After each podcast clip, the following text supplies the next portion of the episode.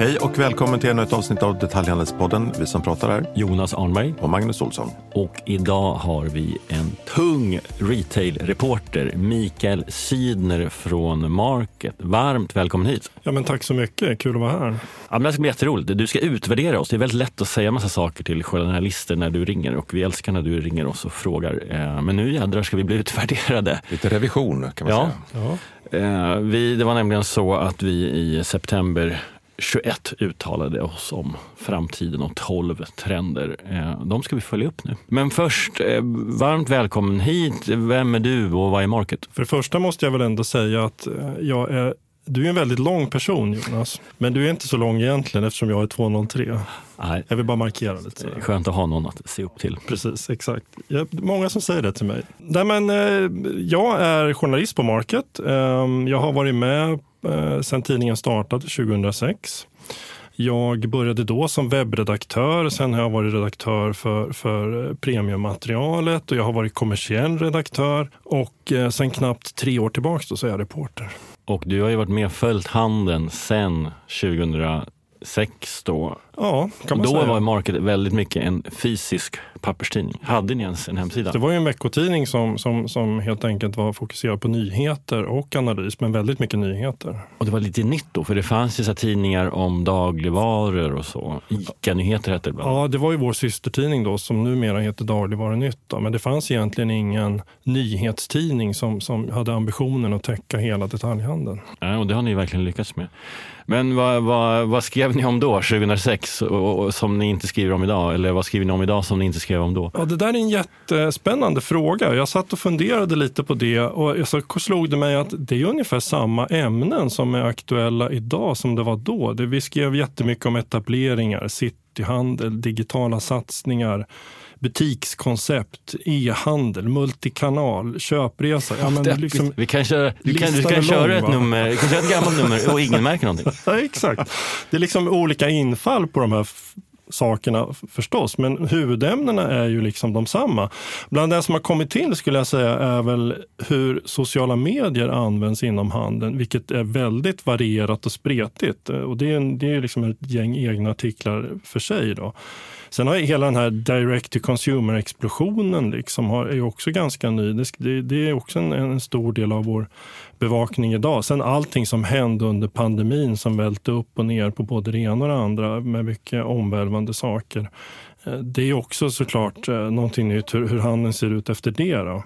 Och sen tror jag som du och jag Jonas pratade om för några år sedan det här med att behovet av analys har ökat. Jag tror att du sa att du, du märkte under din tid på HI. Eh, Det försöker vi möta bland annat med ett opinionsmaterial liksom där flera externa experter och skribenter belyser aktuella företeelser. Där en viss Magnus Olsson är en av dessa.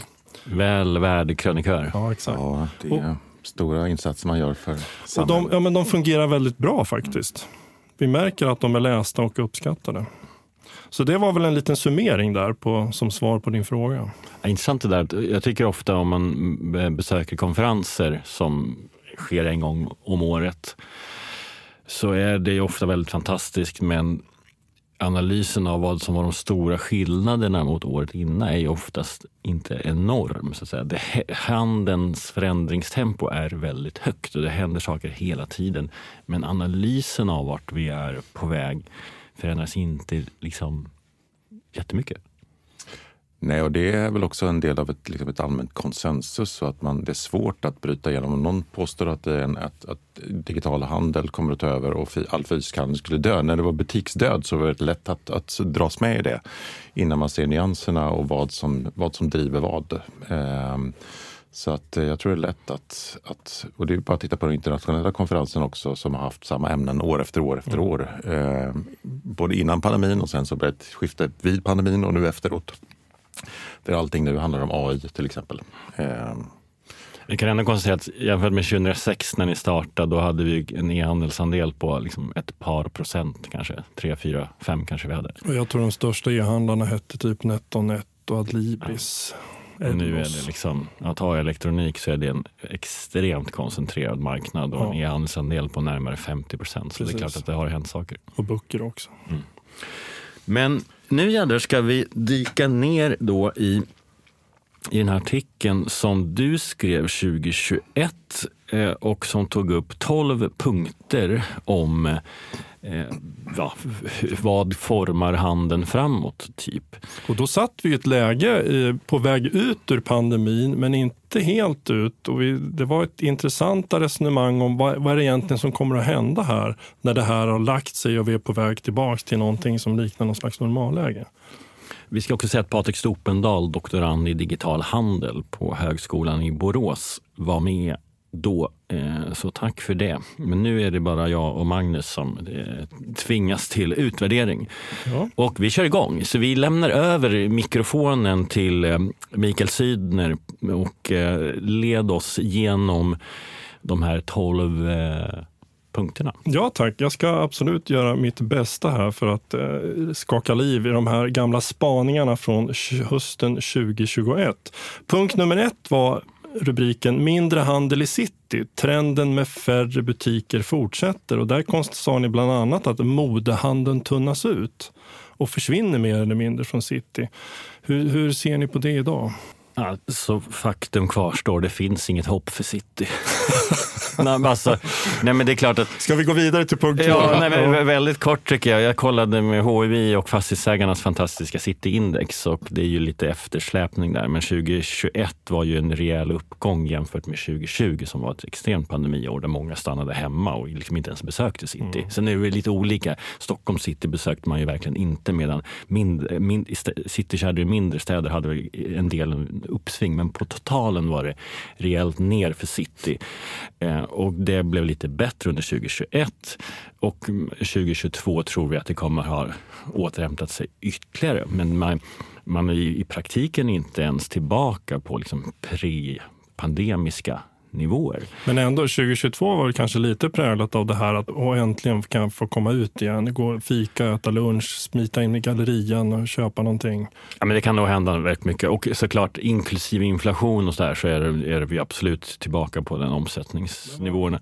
Men jag tror så här, jag tror att eh, problemet kvarstår ju. Alltså city är en fantastisk plats att besöka men inte för att handla. Du fikar, du gör lite ja, annat. Alltså, tillgängligheten är dålig.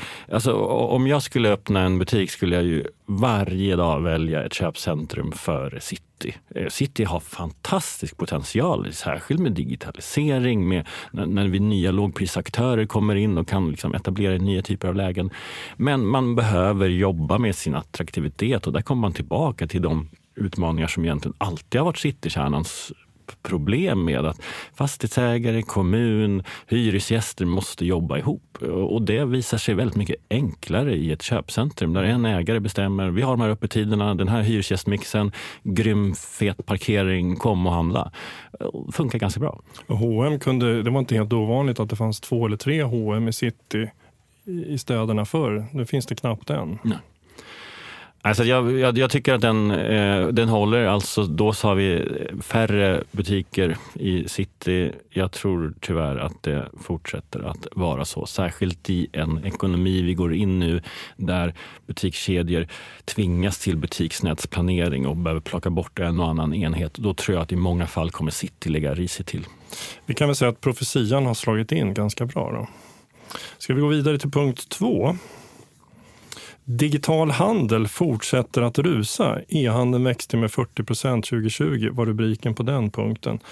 Eh, och 40 procent var det 2020, detta hysteriska pandemiår. Sen följdes det upp med en 20 ökning 2021. Sen var det en minskning i fjol med 7 procent. Men nu ska vi kanske den nedgången ställas lite mot så att säga den här fantastiska tillväxten under pandemin. Och då kanske inte det där är en så dålig siffra i alla fall. Eh, problemet är väl att det är många som varit fartblinda och trodde att det här skulle pågå i all evighet. Vad, vad, hur säger, vad säger ni själva om den här negativa utvecklingen under 2022? Det är inte jättekonstigt att i ett läge där myndigheterna har förbjudit mer eller mindre folk att gå ut eh, och, och, istället handla via nätet och handeln totalt växer eftersom vi inte gick på restaurang och inte reste. Att, att vi får en återgång på något sätt, en backlash när vi går tillbaka till, till en, mer, en mer normal, eh, ett mer normalt samhälle igen. Så att jag tror väl att vi går från någon form av revolution till evolution, men att vi fortfarande kommer ha en stark digital tillväxt. Och, och den kommer se lite annorlunda ut därför att drivkrafterna är annorlunda. Vi har konstaterat att e-handeln kommer inte att sluta all fysisk handel. Eh, kapitalet kostar dessutom pengar idag.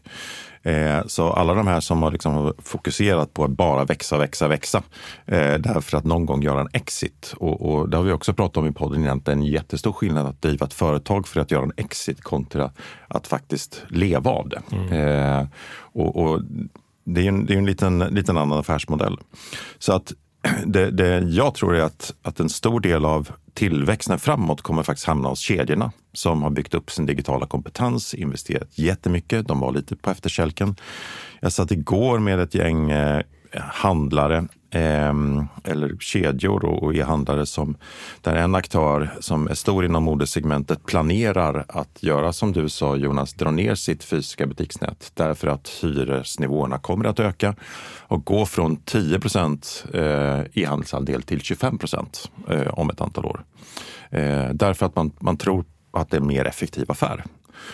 Så att jag tror att om kedjorna klarar att, att göra detta och använda sin liksom finansiella stabilitet eh, relativt sett mot, mot e-handlarna, att utnyttja sitt butiksnät så kommer de också kunna svälta ut en och annan bubbel, ett och annat bubbelföretag de kommande åren. Eh, så att då kan vi fortsätta se en tillväxt på totalen, eh, även, om, även om handeln på total kanske inte ökar lika mycket. Och det är intressant att den, du inledde med att prata om att 2006 skrev Market om multikanal och så vidare. Och det har ju tagit så lång tid och vi har ju fortfarande inte riktigt fått se den perfekta multikanalen. Men, vi, men nu börjar ju ändå de investeringarna som har tagits under åren och särskilt under pandemin liksom visa vägen. Så mm. Lyssna gärna på, ni som inte har lyssnat på Detaljhandelspoddens avsnitt med Nick Stagger som då var på Servera och, visade, och berättade hur, hur Servera ställde om från väldigt hängig på nätet till att bli konkurrenskraftig på nätet och ha en butikskedja. Plötsligt är ju det en otroligt vass affär. Ja, man vände på det. Man blev en e-handlare med butiker istället för tvärtom. Precis. Ja. Mm. Men är det här, de här, den här lilla tillbakagången som vi ändå rent krasst kan prata om under 2022, är det en liten så här bump på vägen? Den, den totala tillväxten för e-handeln är inte riktigt färdig. Nej, det är väldigt mycket strukturell förändring kvar, ja. som Magnus är inne på, med ja. när butikskedjorna ställer om. Så jag tror vi är inne i, i en fas där e-handeln återigen har högre tillväxttakt än butikshandeln. Men det blir en balans också mellan liksom, vad blir det effektivast att få kunden? Eh, vi har varit i en fas där det har varit relativt sett billigt att eh, marknadsföra sig på nätet givet hyran. Sen blev marknadsförkostnaderna jättehöga när alla skulle liksom, kriga på samma sökord och så vidare. Mm. Eh, då blev hyran relativt sett billigare. Nu går hyrorna upp. Så det här är hela tiden en balans. Det jag tror att man gäller att finnas i båda kanalerna för att kunna optimera sin affär. Och det är kedjornas tid lite som du är inne på. Ja, eller de som, även e-handlare som etablerar fysisk butik som vi såg redan tidigare eh, innan pandemin i framförallt USA som skapar en fysisk kanal också. Det har vi ju flera, flera av våra poddgäster har ju pratat om det, hur, hur bra den här balansen faktiskt funkar. Mm. Men tänk bara så att som e-handlare, man kommer från en festperiod och nu vaknar man upp, kedjorna är konkurrenskraftiga internationella aktörer som Zalando och Amazon ångar på.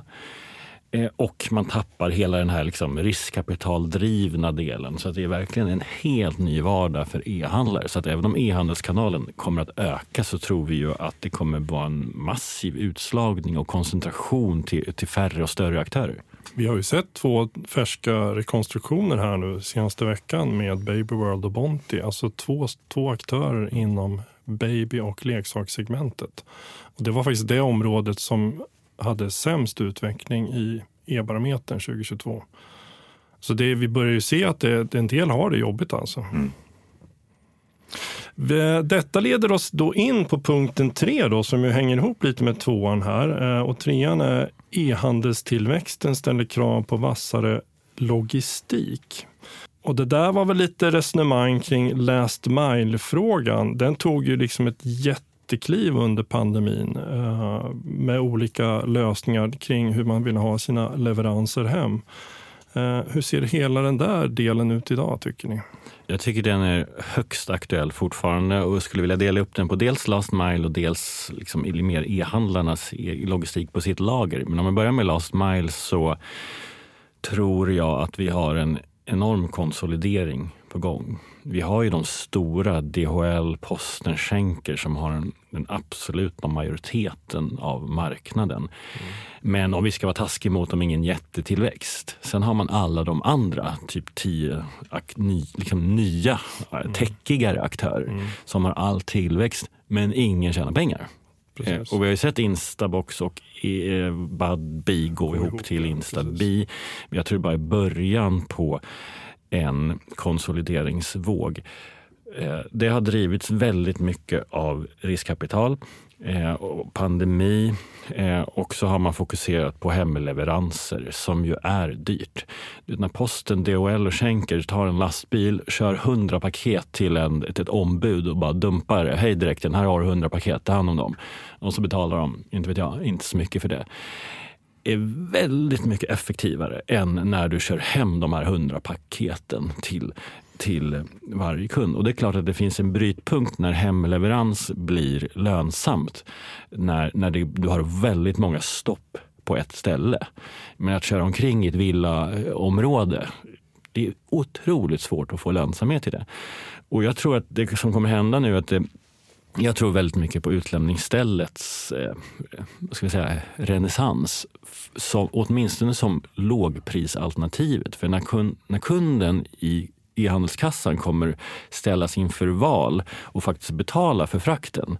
Och, och att hemleverans då sannolikt kommer vara dyrare än en leverans till ett ombud då tror jag att, eh, att ombuden är ganska heta. Sen är det lite intressant att alltså Ica, Coop och gänget de har ju slängt ut, de bygger ju boxar. Mm. Och direkten-gänget går ju typ i konkurs. Så vill, var kommer ombuden finnas? Jag tror det är en jätteintressant fråga. Konceptualisering kring ombudet. Eh, det det kan bli en intressant utveckling om e-handeln ska kunna ha ett lågprisalternativ för frakt. Men under, den här, under pandemin så har ju folk blivit lite så här bortskämda med att det står ett paket utanför dörren klockan sju på kvällen. Vill man, vill man inte fortsätta ha det så? Jag tror att så här, e- e- ett sätt är ju att, det tror jag, och, men man får vara beredd att betala för det. Mm. Och jag tror att om man beställer i, i, i checkouten i kunden, då vill man gärna ha det billigt. Så då beställer man med ett ombud. Sen så borde ju logistikaktörerna kunna pushad att så här, hej Jonas, nu har du fått, du har ett paket som är åt ditt ombud om två dagar. Vill du istället ha det direkt hem till dig så kan du betala 80 kronor extra. Grym grej, då gör man ju det. Mm. Ja, men om kostnaden är noll, eh, givet att, att det hela också har varit riskkapitaldrivet och att man ska bli störst i världen. Men när tolv stycken samma, liksom, företag ska bli störst i världen på samma område, som ändå är det ganska smalt. Och där det också i ett land som Sverige är rätt svårt att få en effektiv logistik i hela landet. Det är en sak i, här på Söder, där vi spelar in det här avsnittet, att, att få många, många stopp och effektivt. Men åk till Jukkasjärvi, det är inte, liksom inte samma grej där. Alltså, det, det, kommer hända mycket där. Jag tycker en annan del som, eh, som också kommer jobbas mycket med, ena har bara växt och man har bara kört på. Eh, nu när det blir lite tuffare tider börjar man ju se över till exempel hur leveranserna kommer in till ett e-handelslager. Mm. Inom hållbar e-handel drar vi igång nu ett projekt som heter Ecom Ready som handlar om att leverantörerna ska ställa om till ett e-handelslagers logik. För idag är det inte så. Och det kommer in massa grejer i olika former till ett e-handelslager som inte är eh, så, så, smart packat helt enkelt. Och vi kommer göra experiment på, på Apoteas lager bland annat, där man får, där paketen kommer jag tänker att istället för eh, sex pack tandkräm kommer packat så kommer en låda med liksom tusen tandkräm. Det är mm. mycket mm. smartare för ni andra. Och det är bara ett exempel på, på eh, jag upplever att e-handeln inte ens har plockat de lägst hängande frukterna kring effektivitet på lagret vad det gäller paketen. Och det är för att man inte har behövt. Det var sån himla tillväxt. Men nu kommer vi in i ett läge där man behöver höja effektiviteten. Och det är enorma hållbarhetsvinster i det också. Ja, tidigare har man bara haft fullt sjå att skeppa ut saker. Ja. En, en, en, intressant formulering här från, från artikeln 2021 under den här punkten. Kan man köra transporter på nätterna är det bara miljövänliga transporter som ska tillåtas. Kommer logistikbolagen att hinna bygga ut kapaciteten på ett rimligt sätt? Ja, men det, det, finns ju massa långtgående idéer och förslag på hur man ska kunna köra på nätterna eh, tack vare elektrifierade mm. fordon. Då. Mm. Och, och det finns ju en jättepotential i det för, som, som, som kommuner och städer driver och som transportbolagen gillar. Sen skulle jag säga att en nyckel är ju att eh, handeln behöver ju ta emot varorna på nätterna och det tror inte jag man vill göra eftersom det är ganska dyrt att ha människor anställda på nätterna. Alltså det, mm. det, finns en del kvar där men det är såklart en enorm potential. Tänk om staden kunde fyllas på på nätterna och vara till för liksom mer konsumentmedborgare på dagen. Så är det ju i New York. Liksom. Det är inte en stor lastbil mitt på dagen som fyller på Macy's. Om Macy's ens finns kvar, sorry. men, men, men, men, sist, sist, vi kollade. Ja, ja, precis. Men, men, utan det görs ju på natten. Ja. Men vi kan väl konstatera att det finns mycket kvar kring liksom dels hela logistikapparaten och inte minst last mind-frågan. Ja, och enorm potential i effektivitet som kommer spara pengar. Och som kommer tvingas fram när ja. riskkapitalet inte längre är lika aktivt. Och där har man ju vägen till den hållbarhetstrend som vi väl också kommer prata om, men som eh, det är ju en del i det. Att ytterst är det effektivitet, som blir hållbarhet blir liksom en härlig bieffekt. Just det. Eh, vi går vidare till punkt fyra och här får jag väl ge er full pott kan jag säga redan på en gång. Eh, leverantörerna riktar sig i allt högre grad direkt till konsumenterna, driver på både e-handel och ny fysisk handel. Det får man väl säga att ni fick ganska rätt på? Ja, eh, frågan är hur rätt vi kommer att ha på lite längre sikt. Därför att det är också någonting som drevs väldigt hårt av digitaliseringen och av riskkapital. Eh, digitaliseringen öppnade upp, eh, man kunde gå förbi återförsäljarledet och då få full kontroll på sin affär, full kontroll på kunddata, full kontroll på sitt varumärke, vilket då tillsammans med en, en bra eh, motor i form av eh, billigt, billig marknadsföring skapar en helt ny, helt ny räckvidd för varumärken. Och eh, så funkar det till en viss nivå och så länge eh, kapitalet är gratis. Eh, men Redan innan pandemin så hade ju vissa då företag fått gå ifrån den digitala eh, delen och börjat öppna fysiska butiker som vi pratade om lite grann innan. Mm. Och det vi har sett nu det är att vissa då har nått en mognadsfas och istället väljer att gå via eh, återförsäljare. Så att när återförsäljare eh, kapar sitt, eh, eller när, när grossister och varumärken kapar sitt återförsäljarled och går online så går de dig, digital native brands eh, som började där eh, åt andra hållet. Och det, det visar väl på komplexiteten också i att växa över tid. Att det inte bara räcker med en egen e-handel då kanske? Exakt, därför att det är också så att Eh, det förutsätter att du vid en viss tidpunkt, givet att, att kostnaden också förändras och, och, och mognadsgraden förändras, att du måste hela tiden fylla på med nya kunder. Det är så vårt varumärke växer. Och då kräver det ett visst punkt andra, andra verktyg. Eh, så att jag tror att, jag tror att, det, att D2C kommer fortfarande finnas kvar, men man kommer också behöva bredda sig och finnas på marknadsplatser. Det kommer vara en, en nödvändighet för att få hjälp helt enkelt att driva trafik. Det kommer bli för dyrt att, att tro att alla ska komma till dig. Kommer en aktör som Revolution Race till exempel att till slut tvingas öppna en eller flera egna butiker? Ja, det tror jag. Därför att eh, det kommer att hela tiden behöva fyllas på med nya kunder för att få en, en, en lönsamhet. Att, att, få, att få lönsamhet genom lojalitet. Sett över tid så finns det inget varumärke som har klarat det.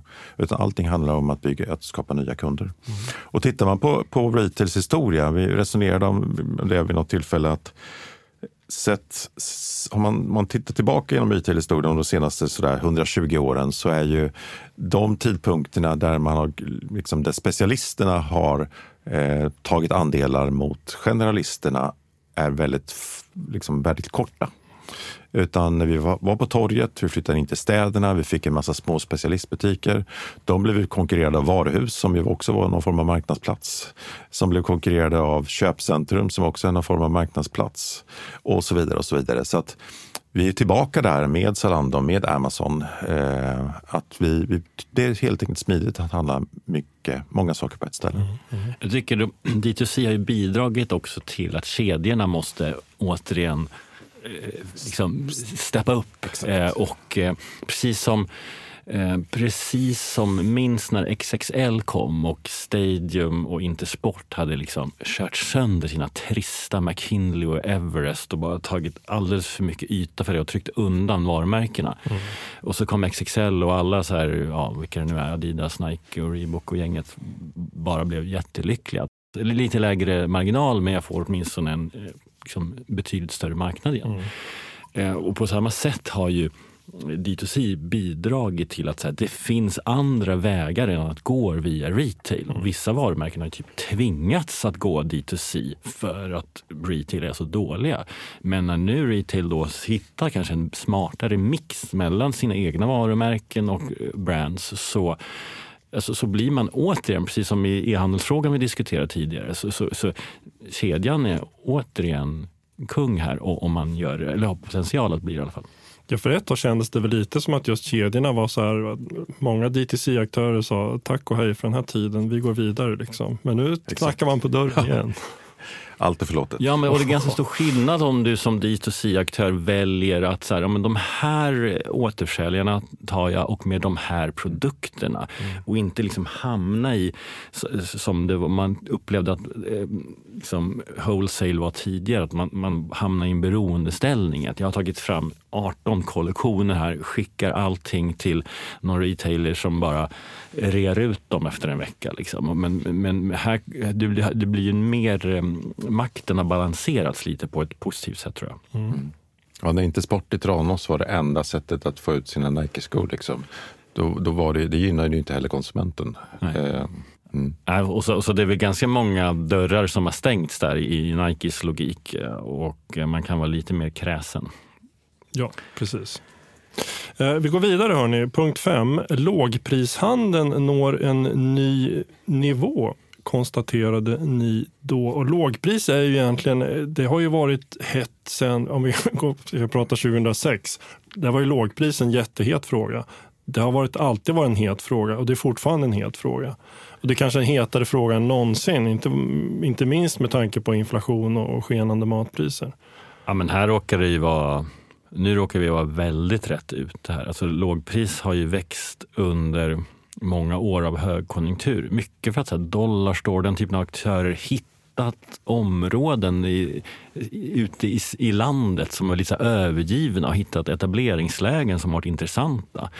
Plus såklart att man har ett erbjudande som har varit väldigt eh, schyssta priser i. Ja, där kan man ju sätta sig i vilken lada som helst. Det är lite poängen med det hela. På ja, och man liksom har täppt några liksom luckor som fanns där på ett positivt sätt. Mm. Men sen har vi ju liksom det vi ser nu inom dagligvaruhandeln är ju liksom enormt. När du skrev den här artikeln då för ett och ett halvt år sedan eh, så känns det ju som att ICA till exempel var helt untouchable. Och eh, ett och ett halvt senare har man full panik och en aktör som Lidl efter att ha funnits i typ lika länge som Market, eller åtminstone typ 20 år. Mm. Och eh, plötsligt är de ju väldigt väl positionerade och har fler besök än ICA Maxi. Liksom. Ja, och går ut först av alla och säger att vi sänker matpriserna. Det är klart man blir hjälte. Liksom. Ja.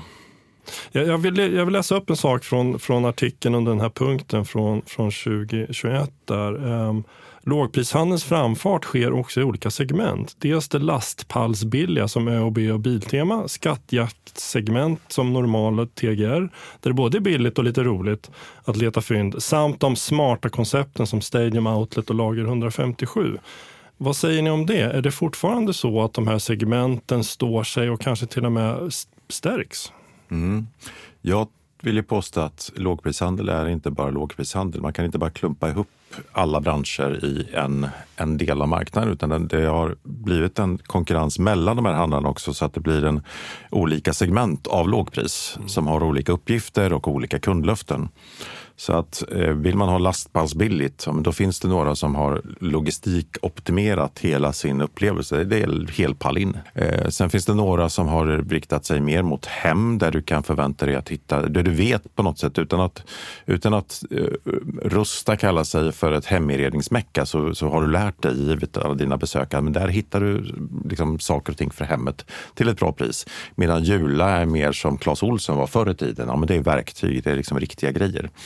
Så att här har det blivit vissa som, som du åker till därför att du vill uppfylla ett visst behov och vissa där du letar saker och ting som du kanske inte visste att du, du behövde. Eh, men kan göra det fortfarande till en, en, en vettig peng. Och, och nyckeln är väl också att eh, fastighetsägare har frisknat till lite i att förut så fick ju de här koncepten finna sig i att hitta ett externläge. Man var inte välkommen in i city eller, eller fina köpcentrumet.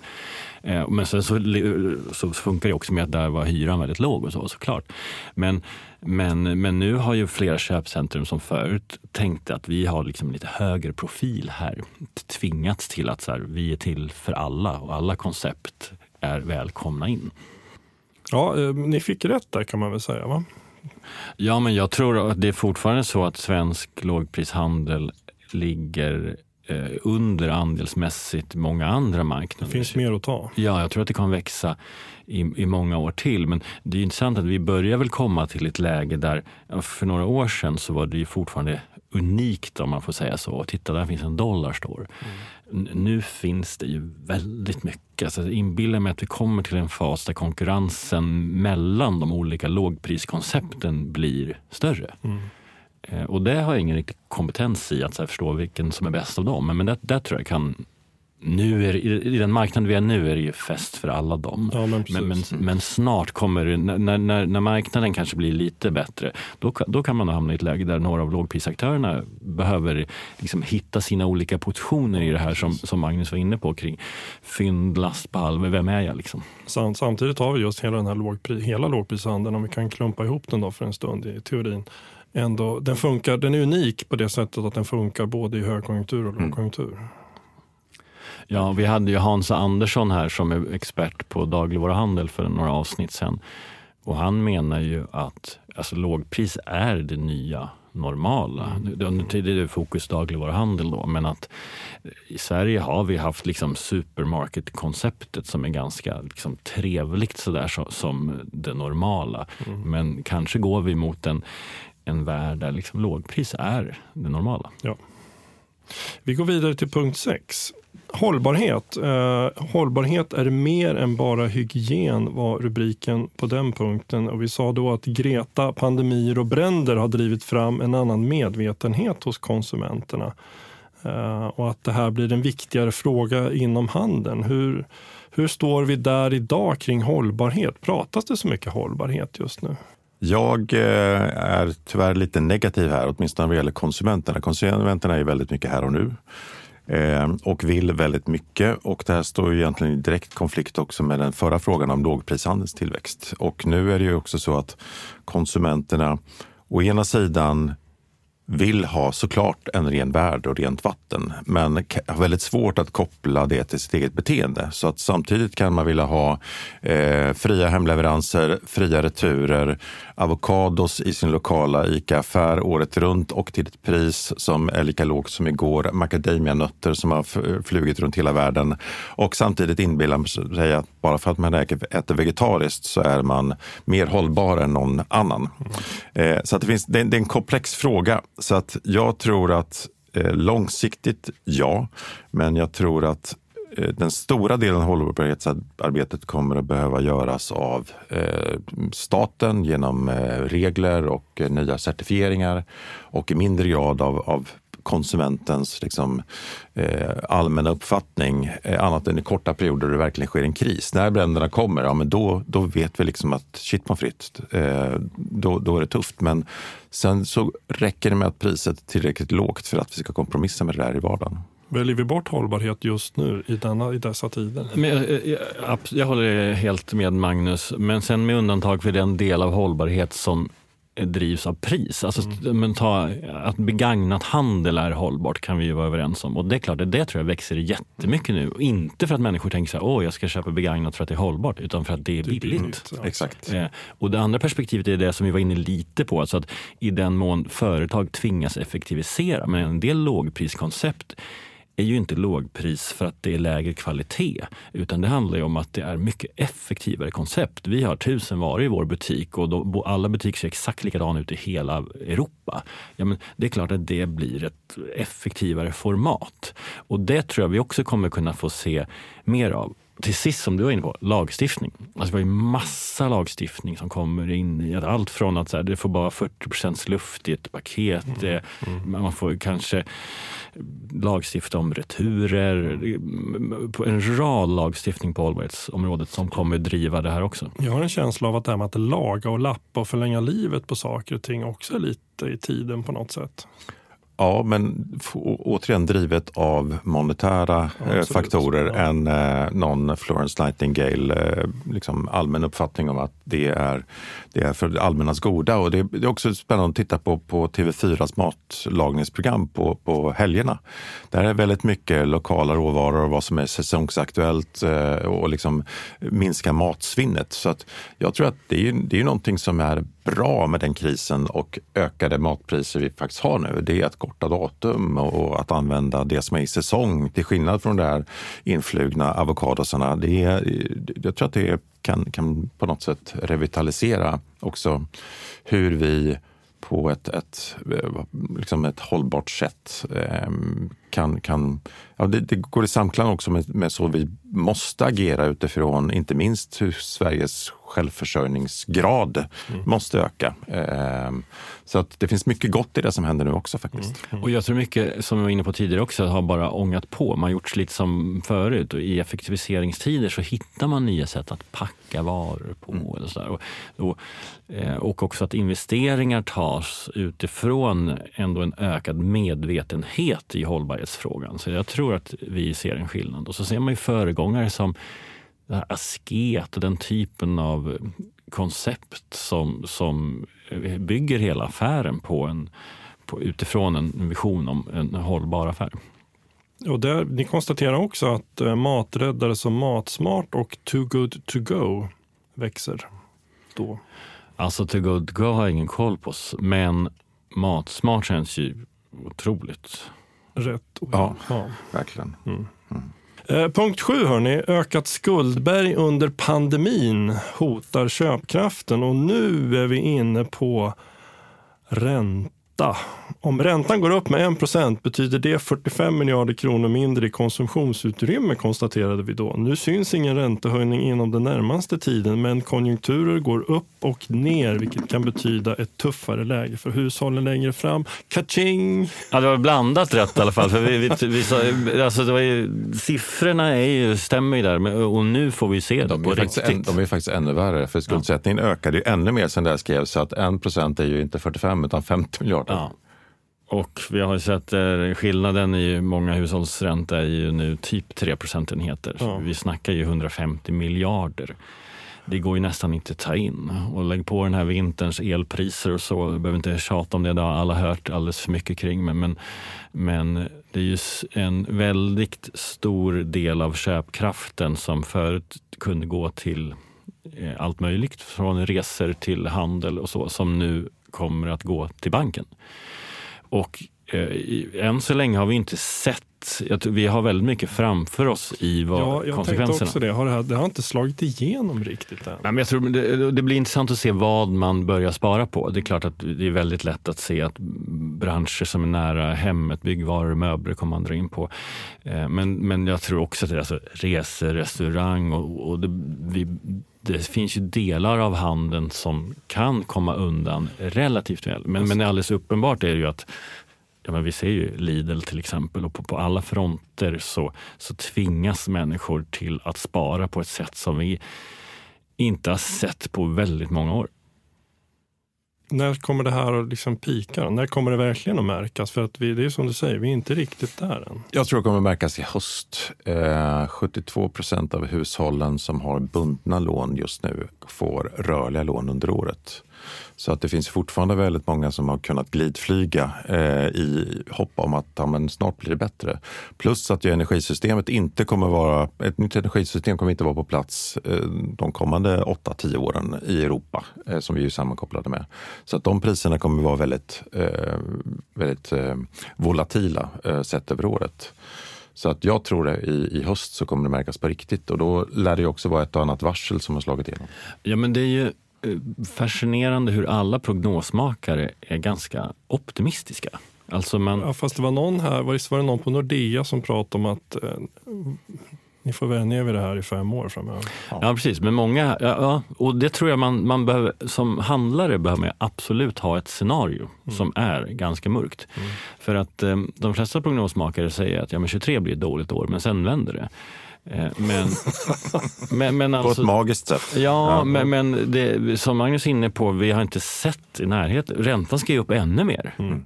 Och vi har inte sett konsekvenserna av de höjningarna vi har gjort hittills. Vi har ju sett bankruns i USA för att man har höjt så himla fort.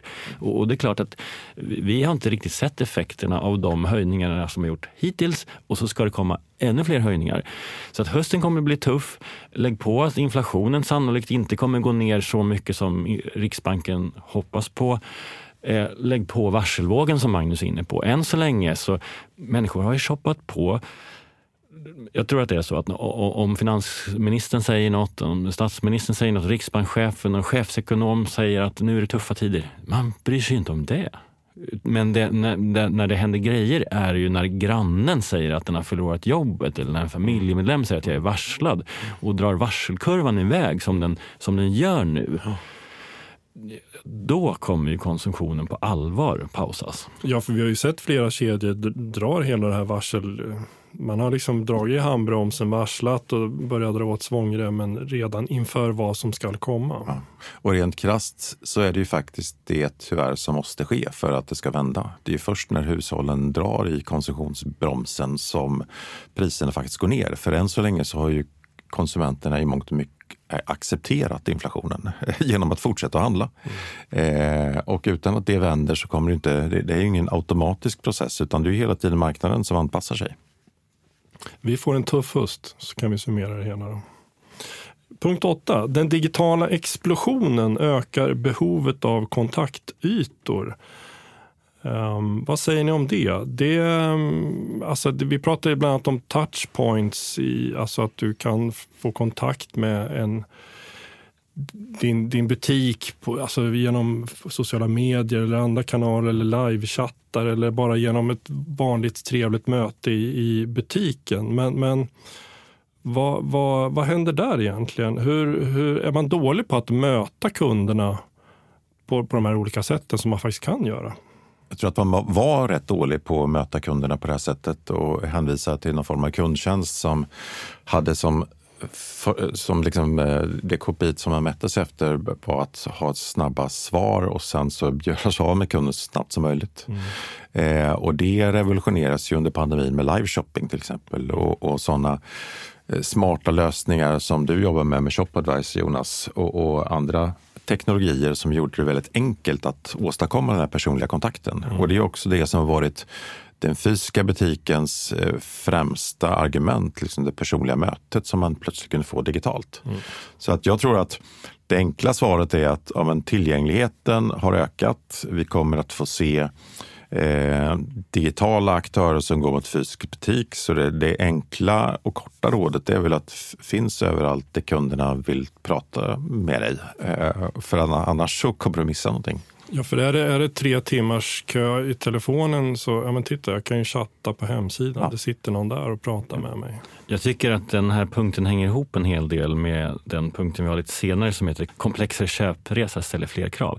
Och jag tror så här, handeln är online och den är offline. Framförallt är handeln hybrid och köpresan sker i digitalt och fysiskt. Och ja, det ja, behöver precis. finnas överallt. Ja. Och självklart ska du använda digitala hjälpmedel eh, för den som är i butik och tvärtom när du är på nätet så behöver du få komma i kontakt med någon i butiken. Och det är inte så, det är liksom ingen rocket science men återigen så är vi Eh, ja, i ett hyfsat tidigt skede kring multikanalen. Eh, och jag tror att det finns, det finns ju hur många exempel som helst på, på smarta lösningar som både optimerar bemanningen eh, och höjer köpupplevelsen.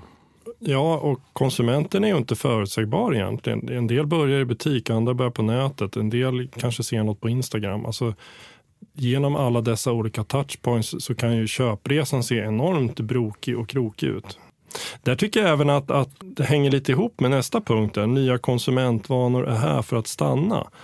Uh, vi pratade då om det här att, att mötet mellan säljare och kund till exempel. Vi ska hålla avstånd, vi ska stå bakom såna här eh, plexiglasgrejer i kassan och så vidare. Och det här kommer förmodligen att, att sitta kvar för du blir faktiskt, du får se färre sjukskrivningar för att kunden som är förkyld smittar dig inte och så vidare. Och så vidare. Och det där har ju faktiskt gjort avtryck på kundmötet på ett ganska negativt sätt. Vi, eh, vi såg ju till exempel i Castitudes senaste kundmötesbarometer hur kundmötet har blivit sämre, att färre konsumenter har kontakt med en säljare. Och där menar just Lotta Eriksson, Lotta Eriksson som är vd för Castitude att omställningen från de här rutinerna under pandemin tillbaks till ett normalläge har tagit mycket längre tid än man har räknat med. Man är ganska trygg med att stå bakom kassan. Ja, och men, men vi ser ju nu att fler kommer tillbaka till kontoren och eh, vi, vi långsamt går tillbaka till en mer lite så som det var innan. Men hela den här hygienfaktorerna, alltså den här med att sprita händerna och sådär, det är precis som att det finns inte längre. Men jag tror det är ändå så att det står spritflaskor överallt. Jag tror att det är eh, jag tror att vi har tagit med oss en hel del mm. bra därifrån. Mm. Men det är nog också många kunder som har upptäckt att eh, ja, jag får ju ändå ingen särskild service i butiken så att varför ens ställa en fråga? Liksom? Och man har liksom lärt sig att klara sig på egen hand i högre utsträckning. Ja, vilket jag tror är oerhört många missade möjligheter för butiken och kedjan att, att faktiskt bygga en relation med kunden, att sälja och att sälja mer. Verkligen. Punkt 10 då, anpassning till nya kundsegment. Och här var det väl, de här nya kundsegmenten var ju bland annat de här 70-plussarna som plötsligt blev e-handelskunder under pandemin för att de egentligen inte hade något val. Var det en one shot eller är de kvar? Det är ju spännande att se att tittar man till exempel på Zalandos eh, Eh, kundsegment, eh, de olika segmenten, så ser man ju att även 50 procent av de som är 60 plus har någon gång handlat på Zalando. Så jag skulle påstå att, att pandemin drev fram en digitalisering av även det äldre segmentet. Innan så fanns det någon form av bild av att alla över 30 de läser dagstidning och tittar på linjär tv. Så är det ju inte riktigt eh, och var inte då heller. Men nu är det väldigt tydligt att de, de, de äldre blev kvar som onlinekunder. Eh, så att alla alla är i alla kanaler. Ehm, och, och, därmed kan man väl inte längre kalla dem här för nya, utan de har ju faktiskt lärt sig. Det behövdes inte jättemycket anpassningar, utan det var väldigt intuitivt. Ja, och som vi skrev där också, eh, den som blir en digital kompis för 70-plussaren har mycket att vinna. Ja men verkligen. Och sen, det, men det nya är väl att det finns såklart väldigt många anledningar att segmentera sina kunder och liksom analysera hur jag bäst hjälper respektive kundgrupp. Men, mm. men då var det väldigt mycket så här, är de digitala eller inte? Det är vi väl lite förbi nu som Magnus är inne på, att nu, nu är alla digitala. Ja. Och då är vi inne på den här eh, som du var inne på förut här Jonas, du hoppade ner till punkten 11 där. Komplexare köpresa ställer fler krav.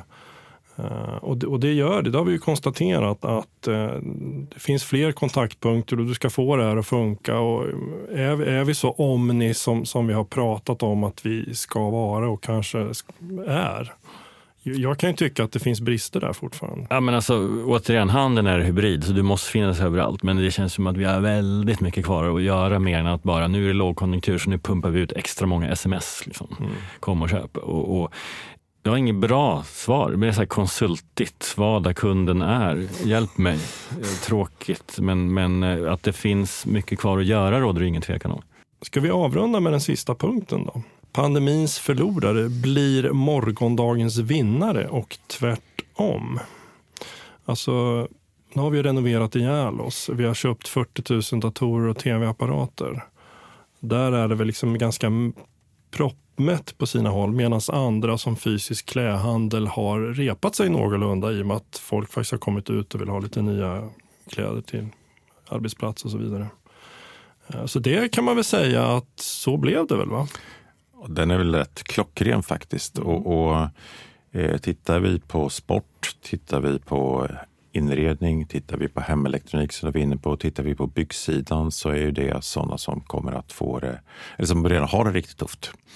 Ehm, jag pratade med en leverantör till sport som eh, redan tidigt såg att sportkedjorna i Europa eh, drog ner sina ordrar med någonstans 20-30 procent inför eh, vårsäsongen.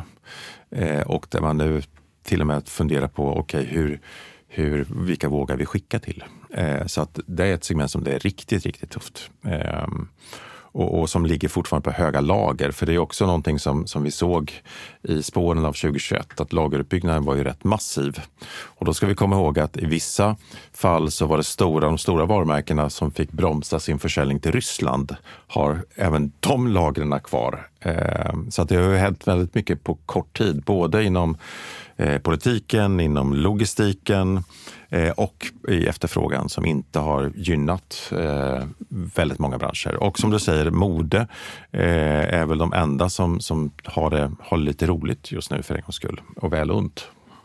Men just den här, tittar man ute så är det mycket folk ute i rörelse. Det är mycket folk på restauranger, det är mycket folk i butiker. Ikea Barkarby en söndag, en lönehelg är inte att leka med. Liksom. Den här återgången till fysisk handel, blev den ungefär vad ni själva trodde eller blev den till och med större? Bra fråga. Eh, jag har alltid trott på, på eh, fysisk handel, men den blev nog lite större än vad jag trodde. Och framförallt, eh, som du säger, Barkarby-söndag i brinnande lågkonjunktur. Det, det, det går ju inte riktigt ihop med hur konsumenten kanske borde tänka. Så den frågan är, har flera bottnar. Men vi ska dit i höst igen och kolla om de är kvar där. Ja. Det var väl våra 12 punkter va? Mm, vad får vi för betyg revisorn? Spontant tycker jag att ni har prickat väldigt rätt. Vad tycker ni själva? Är det någonting som ni liksom reagerar på att här hade vi fel? Jag tror att eh, e-handel med mat tänkte jag att nu i pandemin. E-handel med mat fick ett enormt lyft under pandemin. Mm. Eh, och jag tänkte i alla fall att det är nu som det sker. För parallellt så investerar ju alla jättarna i, i nya e-handelslager och sådär också. Att, eh, eh, nu kommer det dra iväg. Varför liksom gå till en butik, lägga en timme på det, bli förnedrad på rullbandet, hinna stoppa ner allting i påsen där, gå ut till parkeringen och så här, komma hem och ha bränt en och en halv timme av mitt liv i saker som jag till 90 procent är samma grejer varje gång. Alltså när jag drar den här storyn, så varför går vi så mycket till butik? Och då har jag tänkt så här, nej, men det, det, det är klart att vi inte kommer fortsätta med det. Jag har fortfarande aldrig e-handlat mat. Eh, jag är så jävla rätt. Fy fan. Nej, men du fick ju rätt i att det är uppenbart. Jag tror ju fortfarande att det finns eh, en potential, men, men, men det är alldeles uppenbart att mat är tunga grejer med låg marginal och att köra hem det till människor, det är en helt annan grej än att öppna en stor låda ute på en åker, betala låg hyra och låta människor åka dit och hämta grejerna. Det, det, det, är klart att det är en enorm skillnad. Och sen har man väl upplevelser i det hela också som, eh, som man inte riktigt har lyckats med på nätet. Så e-handeln med mat har ju väldigt mycket kvar att bevisa. Eh, jag tror fortfarande på det, men det, det, blir inte lättare nu de närmsta åren med liksom massiv drift till, till Lidl och liksom helt odigitala koncept. Ladan på landet var stor 2006 och den är stor 2023. Mm. Mm. Cirkeln är sluten. Exakt. Ja, men så där hade vi väl absolut fel. Och, vad, eh, vad, vad tycker ni, har det hänt något nytt sen vi pratade om det här? Ja, det har det väl hänt. Eh, för det första, så som vi var inne på, pandemin är borta. Eh, vissa kategorier har vi shoppat färdigt i. Eh, exakt hur det såg ut eh, gissade vi väl ganska rätt på, men vi har ju inte, vi, vi hade ju inte överblicken över hur kapitalmarknadens utveckling skulle påverka olika delar och där vi idag inte riktigt vet vad är lågkonjunktur, eh, de facto liksom neddragningar, vad är att vi har shoppat färdigt? Vad kommer bli effekten av att riskkapitalet lämnar och vi får på något sätt en, en sundare konkurrens där alla sådana här små appföretag inte riktigt kan göra som de gjorde innan därför att de hade fri tillgång till gratis kapital och man räknade bara att någon gång i framtiden så kommer vi bli rika och berömda. Eh, och det, det är ju en, en en återgång kanske till en sundare eh, och mer hållbar eh, liksom affärsmannaskap. Och där har vi inte riktigt sett konsekvenserna av vilka som kommer att klara sig kvar eh, och vilka som kommer att eh, förgås i det. Vi var väl också lite halvsnett eller rätt ute i att Priserna på containrar var ju på väg upp då och pikade väl lite senare. Och vi sa ju bland annat i podden då att, att inflationen är på väg upp. Men då var ju ingen av prognosmakarna med på det tåget utan tänkte att inflationen kommer gå ner.